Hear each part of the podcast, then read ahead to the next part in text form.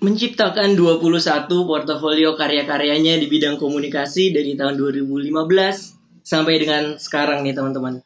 Menurut gue itu merupakan hal yang keren banget sih.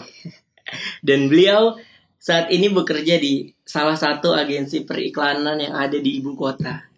Mumpung masih di Jogja, langsung aja yuk kita ngobrol-ngobrol di podcast podcast episode 6 bersama Kak Iqbal Arifur Rahman.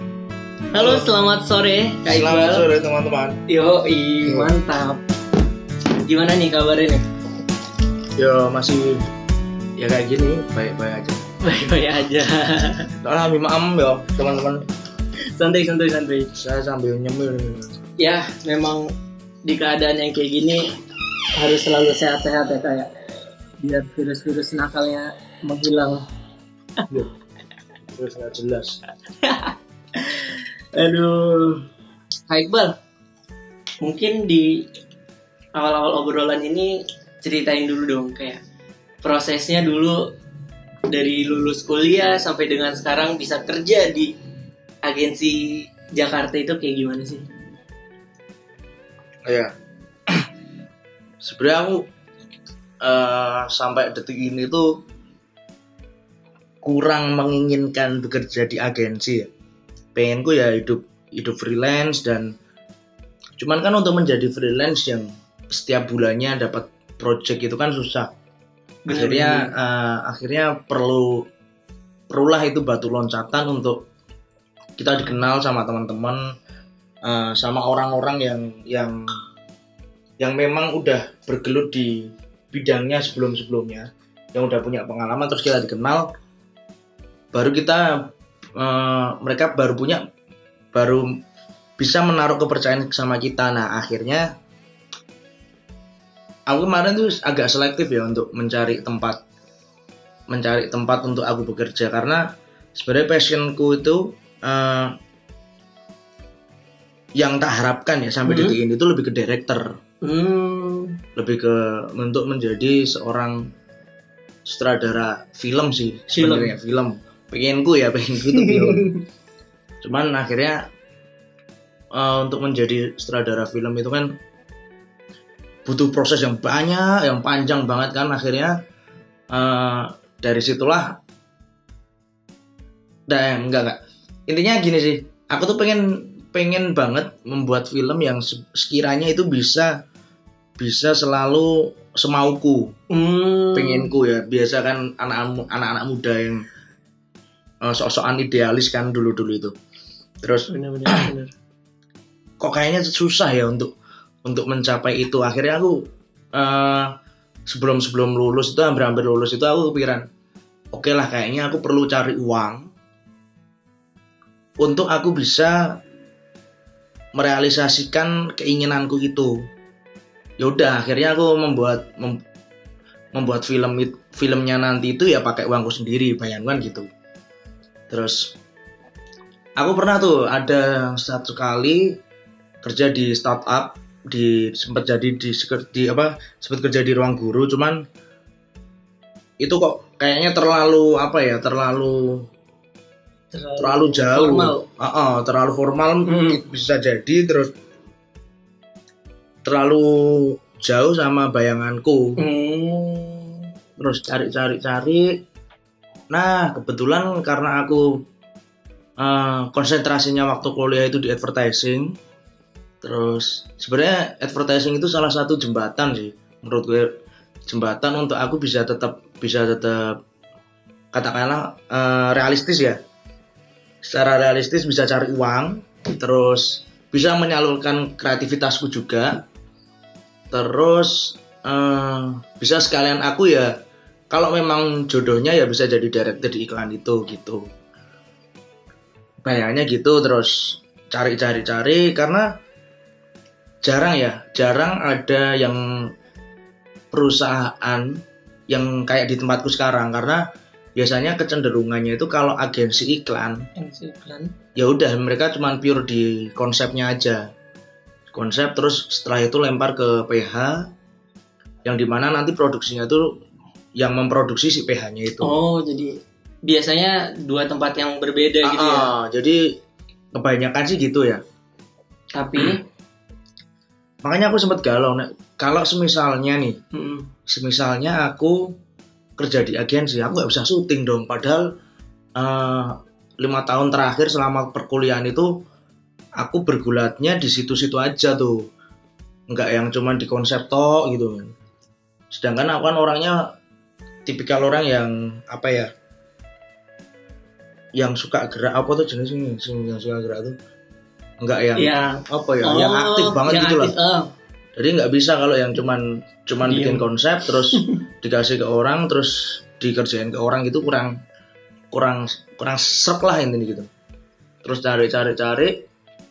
Nah kebetulan ada satu perusahaan yang mereka mempunyai konsep yang sama yang tak idam-idamkan itu yaitu cerita ini yang sekarang aku yang aku sekarang kerja di situ itu. Jadi enaknya di sana aku bisa bikin konsep bikin konsep terus kalau memang itu cocok dengan tes caraku bercerita Mhm. atau caraku bertutur secara director gitu biasanya bisa aku yang handle.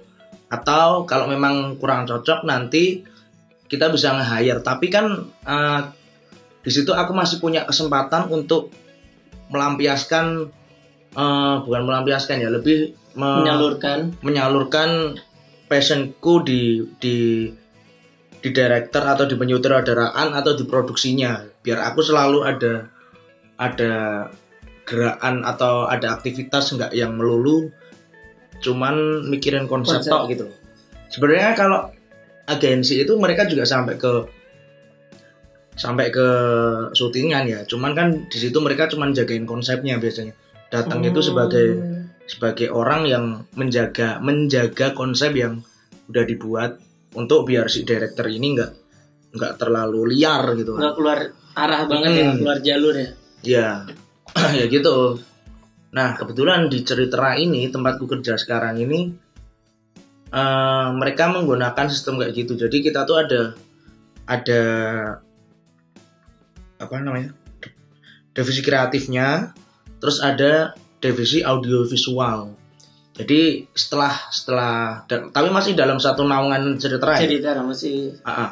Jadi tektokannya kita enak. Misalnya dari kreatif kita bikin terus diturunin ke anak-anak bawah untuk diperkirakan proses produksinya akan menghabiskan budget berapa, terus berapa hari, terus sesusah apa, terus direkturnya kira-kira yang cocok siapa, Mhm. gitu.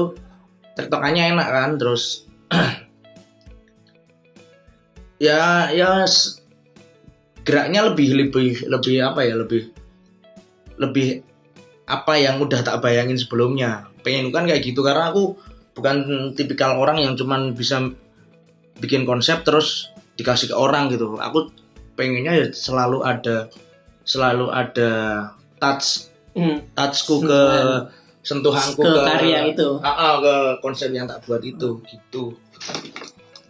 Berarti kalaupun misalnya dulu Ceritera adalah maksudnya kayak cuman agensi doang mungkin Bang Iqbal nggak nggak nggak ke situ ya? kurang tertarik. Karena kurang tertarik. Benar-benar benar karena kan kalau udah satu antara agensi dan PH-nya satu naungan lebih fleksibel aja lah ya lebih Mm-mm. gampang ya? Iya. benar-benar sampai sekarang ini aku sebenarnya masih galau sih. Antara aku tuh cocoknya tuh di kreatifnya atau memang di produksinya. Ya itu sih kan tapi kadang aku kalau diproduksi juga juga jenuh karena harus bukan sesuatu hal yang yang dari awal memang udah tak krit gitu loh. Tapi kalau cuman di kreatifnya aku juga nggak nggak mendapatkan sesuatu yang ingin tak sentuh gitu iya yang benar-benar. aku bisa ngasih sentuhanku gitu. tapi Kayak selama ini gimana lebih sering di kreatif atau di produksi tuh apa 50-50 Dua-duanya, dua-duanya. seimbang Nah. berarti maksudnya Ini nih yang yang jadi masalah tuh pandemi ini jadi akhirnya sejauh ini ya kecuali ada beberapa klien yang kemarin syuting di Jogja karena itu memang secara konsep eh, taste-nya itu aku aku merasa cocok sama aku terus dari pihak atasan-atasan juga cocok sama model-model tesku gitu kan. Jadi ya udah bisa tak kerjain tapi ada beberapa yang akhirnya di hold karena ya memang ya akhirnya aku cuman bekerja di dengan seputaran konsep dan konsep aja. Nggak nggak yang bisa sampai terjun ke terjun. Uh, uh, ke syutingnya gitu. Karena ya ya susah juga kan Hmm.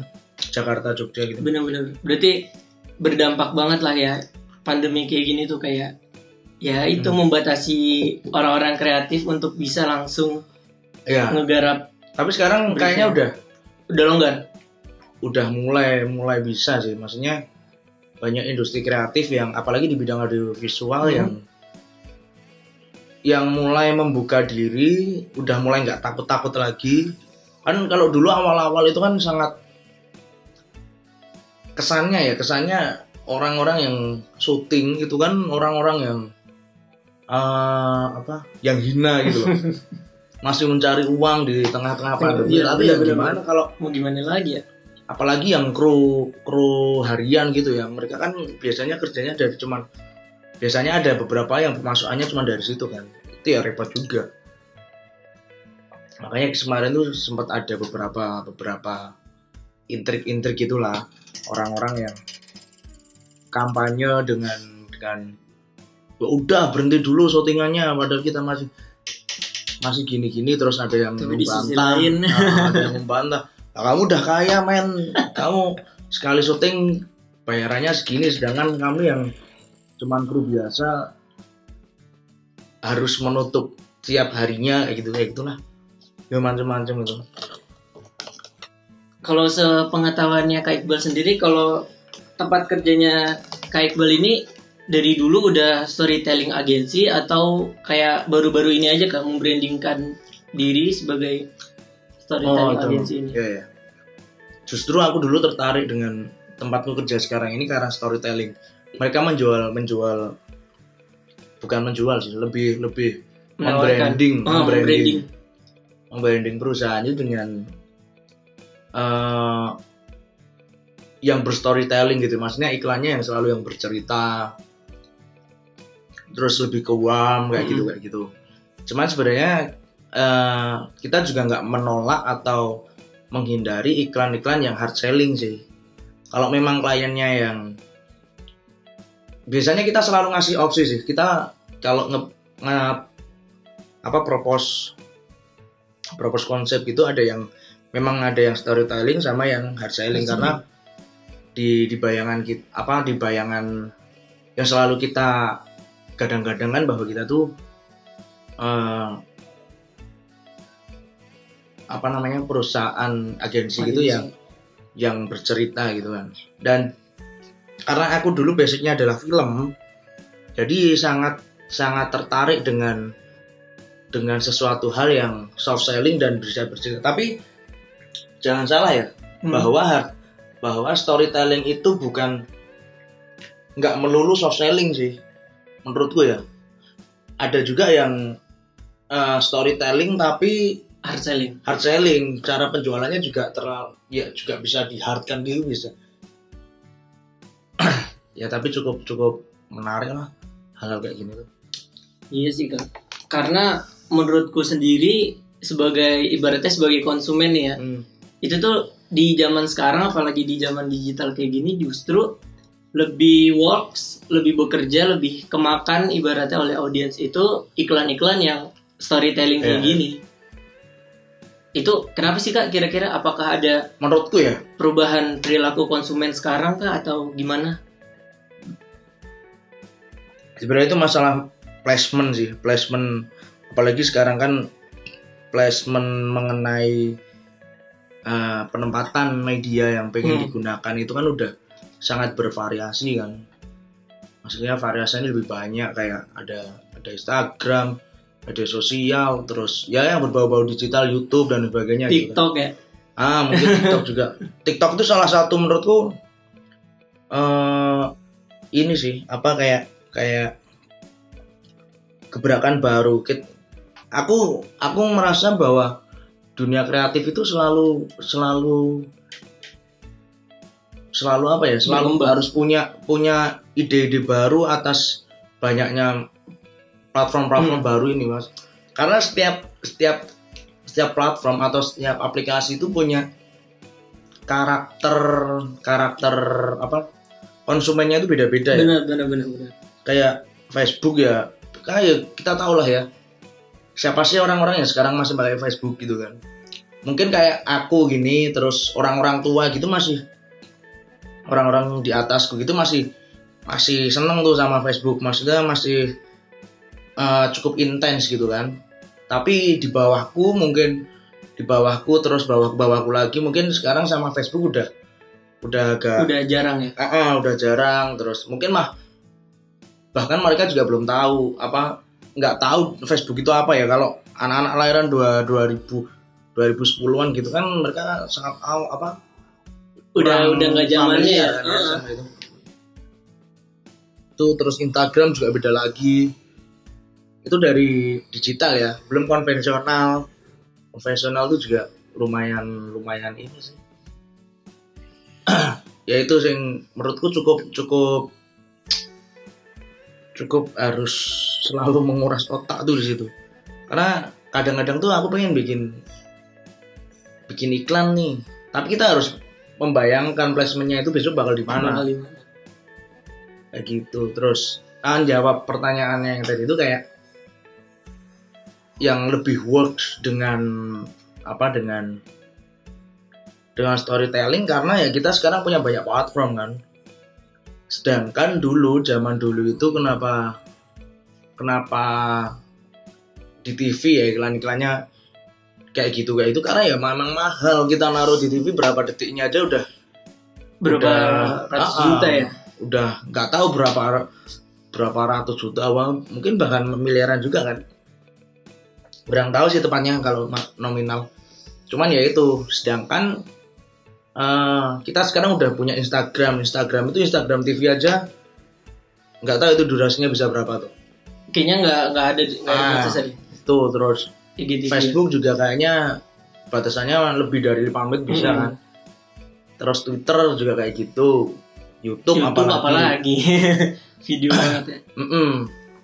Tapi kan kalau yang yang ads gitu kan tetap berbayar iya kayak kayak kayak TV kan. Ya itu sih yang menurutku yang jadi yang memang lebih membuat lebih works karena akhirnya eh, konsumen nggak cuma di nggak cuman di apa namanya dikasih makanan tuh yang sama yang cuman itu itu aja Ah, bener bener bener. Iya sih, setuju banget sih. Ya kayak mungkin orang-orang sekarang tuh udah mulai bosen lah ya sama iklan-iklan Hmm. yang di TV yang terlalu mencolok banget. Jadi ketika ada cerita, ada iklan-iklan yang storytelling ini kayak ih, iya juga ya gitu.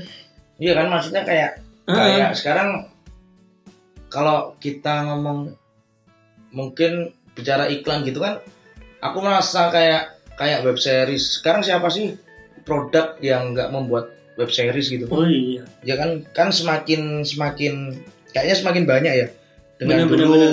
apa sore Tropicana Slim dengan sorenya gitu. Walaupun sebenarnya kan mereka jualan juga. Mereka mengiklan kan itu. Cuman memang caranya terus disembilin dengan disembil dimasukin ya. Diselipin gitu. Ya. di web series kayak gitu gitu. Ya menurutku itu juga bentuk iklan ya. Cuma caranya beda sih. Bener bener. semakin semakin semakin banyak variasi sih menurutku semakin banyak pilihan ya. Ah, ah, untuk iklan mungkin juga iya sih. Apalagi di zaman sekarang kan orang bosen pasti bukannya YouTube Ah, terus juga iya. mungkin.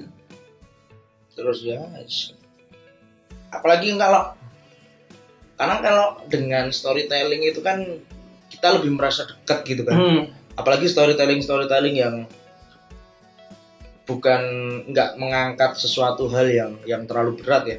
Yang cuman keseharian kita gitu-gitu kan orang lebih secara humanity-nya Hmm, tuh lebih lebih dekat ya, kan. oh, psikologisnya tuh lebih lebih bisa menerima itu. Apalagi kayak yang storytelling ditampilkan itu relate dengan kita yang Yo, menontonnya. lebih kayak wah kenapa nih? gitu kan bikin bikin penasaran. Iya sih bener-bener bener-bener karena aku pun sendiri juga senang gitu kak sama storytelling. Hmm. kayak sering membuat konten di Instagram storytelling membuat sesimpel membuat captionnya juga nah dengan aku sering menggunakan teknik-teknik sto- storytelling Iya iya. Iya sih. Ya orang lebih. Karena ya memang memang secara naluri orang tuh lebih lebih suka ya. Kalau misalnya kita ngasih tahu anak itu lebih mungkin dengan cara tutur yang lembut gitu kan lebih seneng anak. Nggak nggak terus. Ya beda kayak misalnya cara orang-orang zaman dulu ngasih taunya mau makan ini ini ini ini. ini." Terus semakin ke sini kan orang semakin kok aku dari kemarin dimarah-marahin kan kesannya ya dimarah-marahin ya kalau ini. bener bener bener Terus jadi sekarang cuma di dikasih tahu, dilos-los gitu. Nah, ayo ya itu kan bahasanya lebih cuma lebih disofin aja. Ayo beli produkku, terus selera pelan-pelan gitu kan. iya iya Beli produkku, produkku tuh kayak gini loh. Kalau dulu kan mungkin oh kamu beli produkku toh. Ini loh produkku tuh bagus gini gini gini. hard selling sama soft selling ya mungkin pada dasarnya orang-orang emang seneng dengerin cerita kali ya kayak Iya. Ya kan ya karena memang eh, budaya kita kan ada budaya dongeng ya. iya iya bener orang- bener bener bener Orang yang zaman kecilnya itu nggak pernah didongengin. Kak Iqbal. Terus juga misalnya sebagai aku sebagai mahasiswa komunikasi nih kak. Nah kira-kira hal-hal apa aja sih kak? Kalau nggak klasifikasi apa yang harus aku persiapkan dari sekarang untuk nantinya bisa berkarir gitu kak di dunia agensi seperti Kak Iqbal ini? Wah, apakah harus selalu kreatif enggak sih. apakah harus ini. bi- bisa copywriting gimana nih kak Eh, sebenarnya ya, jujur aja. Aku tuh salah satu orang yang tersesat loh untuk masuk ke komunikasi karena eh, imajinasiku dulu sebelum ya kan aku kan orang orang Jogja kan Hmm. terus tinggalku juga di kampung gitu terus ya keseharianku zaman-zaman kecil gitu ya biasa mainan layangan terus mainan layangan terus ya mainan-mainan anak-anak kampung gitulah ya. Terus SMP SMP juga masih sama terus ya kegiatan-kegiatan anak kampung lah mainnya ke masjid terus lingkunganmu di masjid umpet. lingkunganku dulu di masjid teman jadi sampai seka- sampai sekarang tuh semi semi anak masjid yang brengsek gitu loh. Iya, iya. intinya gitu loh. Remaja masjid dulu Ah, ikut dong. remas ya gitu. terus zaman SM masuk SMA SMA aku tuh cukup cukup cukup mbak apa ya cukup ka, kasarannya bajing lah ya maksudnya seneng tawuran seneng oh. Bermain ya kayak gitu lah. Ah, ya nikmatin nikmatin ini aja. Ini boleh ngomong kasar gak sih ya nggak apa-apa santuy. apa ya. santuy aja. Yo yo kayak gitu kayak gitu. Gitu terus. Oh ya terus. SMA SMA kelas 2 kelas 3 itu karena kakakku itu kan dulu kakak istrinya mbakku Mm, mm, mm. itu ada yang anak itu salah satu faktor sih. Anak-anak mapala gitu di di kampusnya dia dulu terus eh, masih mereka jangan pacaran. Terus aku kan sempet wah keren nih anak gunung nih kan. zaman gue SMA tuh. Terus nah dari situ aku suka suka naik suka naik gunung. Terus SMA SMA kelas 1 kelas 2 lah itu suka naik gunung terus. Nah dari situ imajinasiku tuh terus jadi pengen jadi anak geologi gitu. oh dulu? Iya, biasa. Anak kalau anak-anak kayak gitu tuh kalau nggak mesin ya anak-anak apa namanya? Anak-anak geologi gitu loh. Cita-cita aku dulu emang jadi anak anak tambang gitu kan, keren kan, pakai korsa gitu-gitu kan. keker gitu ya Oh, kayak korsa terus gondrong-gondrongan gitu. ternyata Nah, ternyata terus itu anak-anak teknik gitu kan. Terus akhirnya nyoba nyoba nyoba tapi malah justru aku kecantolnya di elektro dulu. Awalnya ya, awal masuk kampus ya. Hmm. Ya kan elektro. Sebenarnya aku mendaftar beberapa kampus yang yang memang spesialis di geologi kayak di UPN gitu-gitu. Hmm, hmm. Terus UPN Pajajaran apa mana gitu. Cuman nggak keterima. Karena ya memang otakku nggak nyampe di waktu waktu tesnya. Terus sampai situ eh, akhirnya karena aku masih masih eman-eman dengan dengan keipaanku, Hmm. jadi aku males tuh masuk IPS. Gengsi ya? Iya, Gengsi. sosial. anak IPA bro. Aku anak IPA ya. siap, siap, siap, siap, masuk, siap. Disuruh masuk sospol gitu kan, wah nggak keren nih. Enggak banget lah ya. Harus pokoknya harus eksakta ya pokoknya. itu. Iya. Apa dulu? Ya, zamannya? namanya lupa aku. Intinya aku harus masuk. harus di, masuk tetap di saintek, lah. saintek. Ah. Ah, tetap harus di saintek gitu terus. Akhirnya nyoba lah itu di di UMY di UMY itu aku nyoba awalnya aku tuh pengennya masuk sipil Hmm, sipil UMY udah ada kan? Ah, kayaknya masuk sipil cuman kan dulu kalau kalau kan ada dua pilihan kan itu Ah, ah, kalau daftar, kalau daftar daftar dua ada dua, pertama sama kedua. nah karena aku itu pesimis bisa masuk sipil jadi yang tak masukin yang pilihan pertamaku adalah elektro Hmm. dengan anggapan aku tuh nggak bakal bisa ngerjain elektro nih biar nanti nyemplung di yang yang keduanya Yang kedua. Yang pengennya di gitu ya, pengennya pengennya gitu. gitu. Nah terus tes kok ternyata malah masuk di elektro beneran. Waduh, Gila, gila, gila, gila, gila. malah kecemplungnya di elektro. Gak bayangin sih. Nah, aku terus, wah fuck gitu. Aduh. Ya udahlah tak jalanin dulu.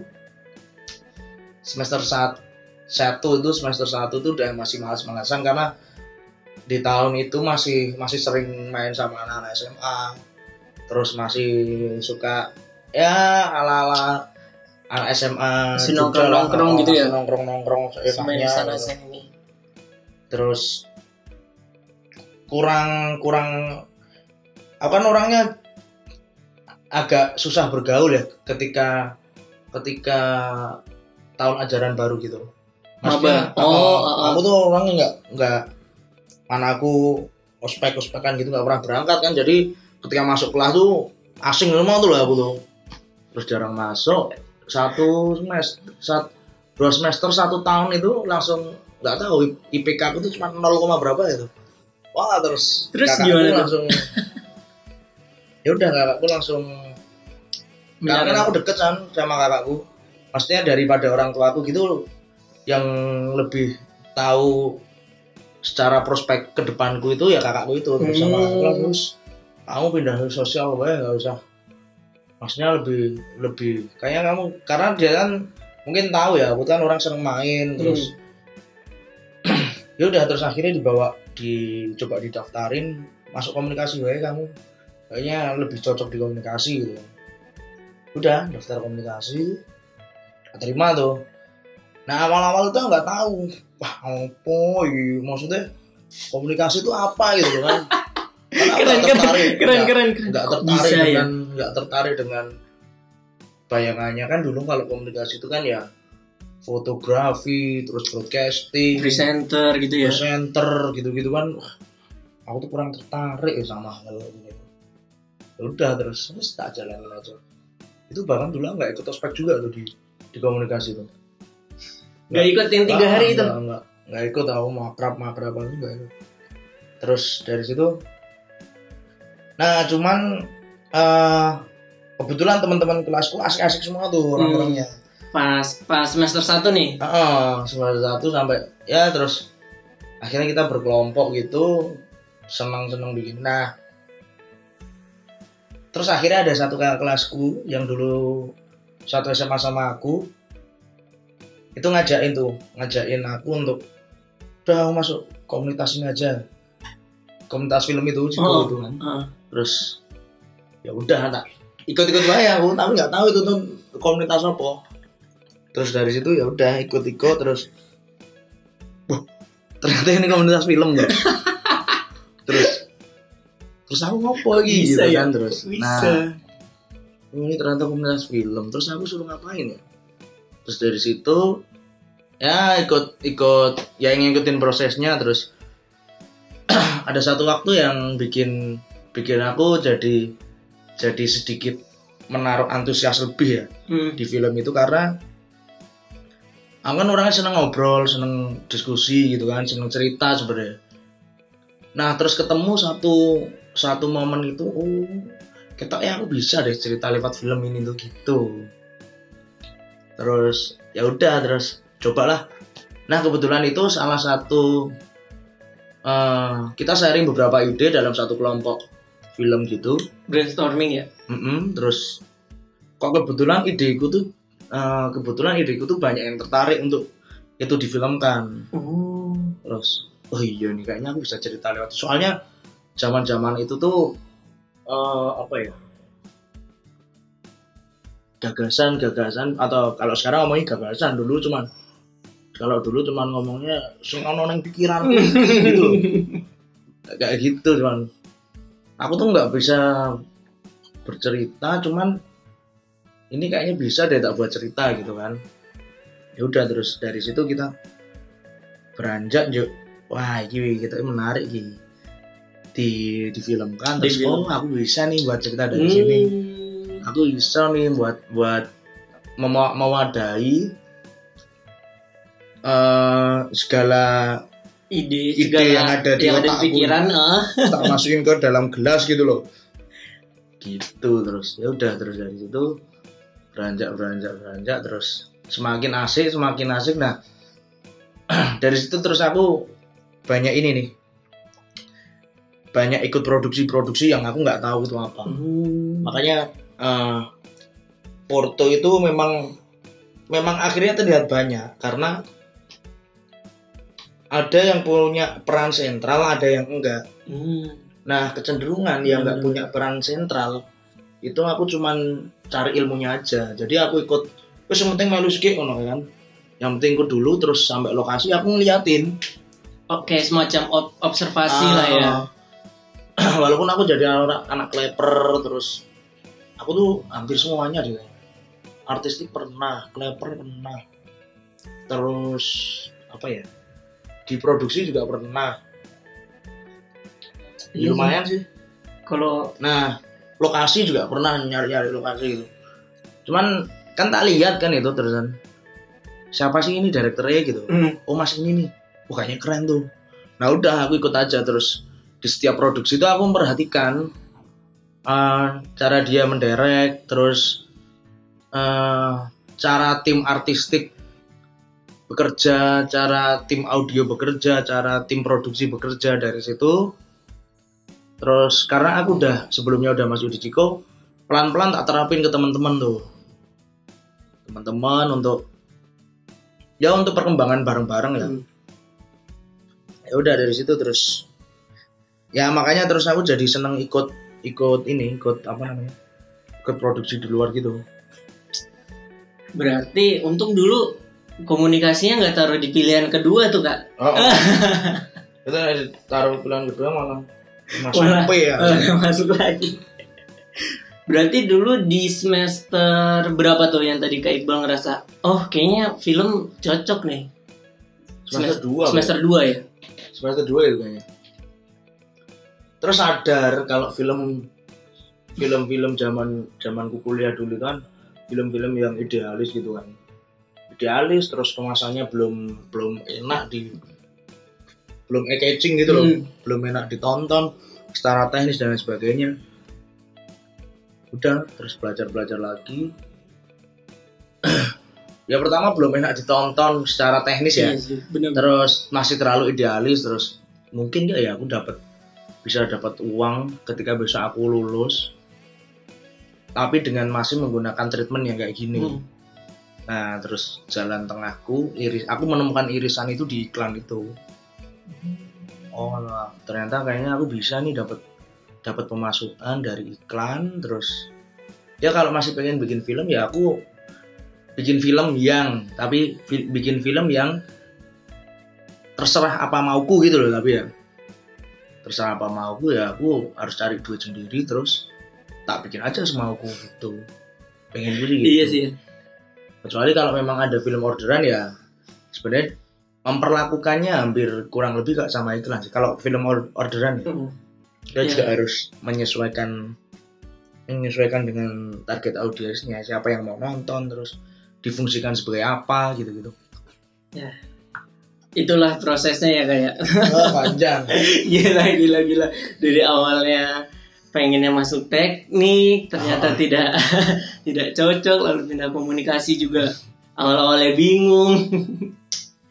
Ya tapi cukup. Tapi sekarang udah udah nyaman kan nih di iklan? Ah ya nyaman sih. Tapi aku akan lebih nyaman ketika freelance sebenarnya. Soalnya aku tuh pengen jualan kambing. Cita-cita aku tuh sebenarnya bisa jualan sapi itu wah aku nggak ya karena apa ya? Karena Iya, kan iya, iya. zaman Bener, bener, kan bener, hidupnya di di kampung loh terus aku sangat antusias dengan sangat seneng tuh dulu zaman aku kecil. Zaman aku kecil terus setiap mau idul adha gitu ada kambing banyak di di rumah. Kan tengah kota kan Hmm. rumahku kan. hmm, tengah kota yang jauh dengan dengan per apa? Perhewan-hewanan kurban gitu loh jadi ketika idul adha gitu antusiasnya gede banget tuh. Terus malah ya terus ke bawah ke bawah ke bawah gitu terus seneng akhirnya sama hewan-hewanan kayak gitu. Ya kalau bisa sih ya untuk untuk untuk usahanya tuh bisa jualan sapi ya gitu kayak gitu loh. Ya orang desa sih tak pikir-pikir ya. Iya ben tapi ya kalau bisa tetap bisa nge-freelance di dunia kreatif. Jadi tapakannya jelas itu. Hmm. sambil jualan sapi. Bro. Kayaknya kalau mereka yang dengerin kayaknya enggak Terus kalau- suka dukanya di agensi iklan ini selama ini apa aja sih kak? Suka Yang dukanya rasain? standar sih karena aku di sana ngerantau. Hmm, dukanya ya cuman kadang kangen sama soto di Jogja. Kangen sama angkringan ya? Kangen sama angkringan kangen gudeg kangen nongkrong sama temen di pinggir jalan kayak gitu kayak gitu aja. Kalau sukanya ya sukanya karena kantorku tuh sangat sangatlah homey deh. Kalau bisa di- dikatain ya Hmm. sangat sangat nyaman.